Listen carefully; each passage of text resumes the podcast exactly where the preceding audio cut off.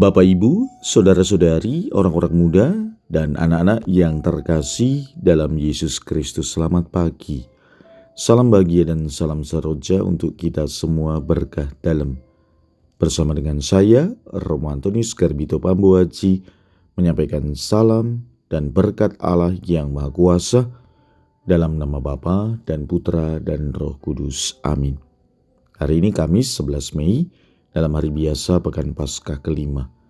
Bacaan pertama dalam liturgi hari ini diambil dari kisah para rasul bab 15 ayat 7 sampai dengan 21. Bacaan Injil diambil dari Injil Yohanes bab 15 ayat 9 sampai dengan 11.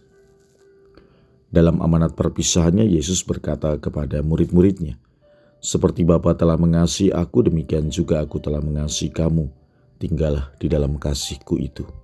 Jikalau kamu menuruti perintahku, kamu akan tinggal di dalam kasihku, seperti aku menuruti perintah Bapakku dan tinggal di dalam kasihnya. Semuanya ini kukatakan kepadamu supaya sukacitaku ada di dalam kamu dan sukacitamu menjadi penuh. Demikianlah sabda Tuhan, terpujilah Kristus. Saudara-saudari yang terkasih, setelah kemarin kita mendengarkan Yesus yang menyatakan dirinya sebagai pokok anggur dan kita adalah ranting-rantingnya. Pesan Injil hari ini menyatakan bahwa kalau kita sudah terikat pada Dia, maka Dia akan sungguh mengasihi kita. Kalau kita tinggal di dalam Dia, maka kasih itu juga akan tinggal di dalam kita. Oleh karena itu, syarat utamanya kemudian adalah kita dipanggil untuk mengasihi Allah melalui kasih kita kepada Yesus dan kasih itu harus kita juga nyatakan dalam kehidupan dengan sesama. Dan kalau kita telah melakukan itu, sama seperti yang dinyatakan oleh Yesus, supaya sukacitanya ada di dalam kita.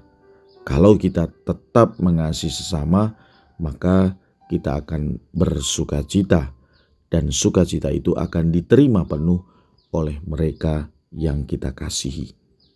Maka, saudara-saudari yang terkasih, seberapa besar kasih yang telah kita tunjukkan kepada Allah harus nyata dalam kasih yang kita nyatakan kepada sesama. Marilah kita berdoa.